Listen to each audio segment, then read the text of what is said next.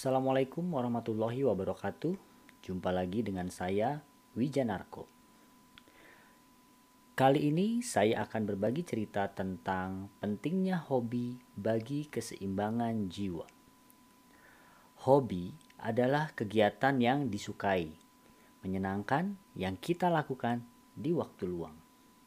Bentuk hobi bermacam-macam. Ada membaca buku, mengkoleksi sesuatu, bermain, melukis, menulis, berolahraga, dan masih banyak lagi bentuk hobi lainnya.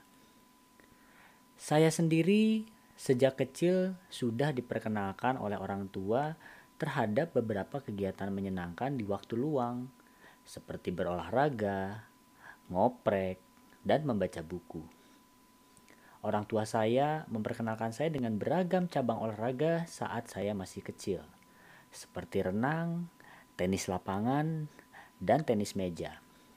Lalu, kemudian saya melanjutkan eksplorasi kepada beberapa cabang olahraga lain seperti bola voli, kasti, dan bola basket. Hobi olahraga saya ini berujung pada olahraga bola basket yang saya lakukan hingga hari ini setiap minggu bersama si sulung. Sementara hobi ngoprek saya dapat dari papa. Berawal dari terpesona melihat tas toolset yang isinya beragam perkakas. Lalu saya mulai coba membongkar sepeda sendiri saat duduk di bangku kelas 5 SD. Dan kemudian kesukaan itu keterusan sampai sekarang. Indikatornya apa sih seseorang suka ngoprek? Gampang bisa dilihat dari perkakas yang ia miliki saat ia sudah dewasa. Hari ini saya masih menyimpan toolbox warna merah yang mama belikan untuk saya. Dan kemudian saya lengkapi dengan perkakas lainnya. Hobi membaca saya sebenarnya agak telat bisa saya nikmati, namun cukup untuk mendorong saya dan keluarga memiliki lemari buku tersendiri untuk menyimpan buku-buku yang suka kami baca saat melakukan hobi, berdasarkan observasi yang saya lakukan, kebanyakan orang berada dalam state senang atau bahagia.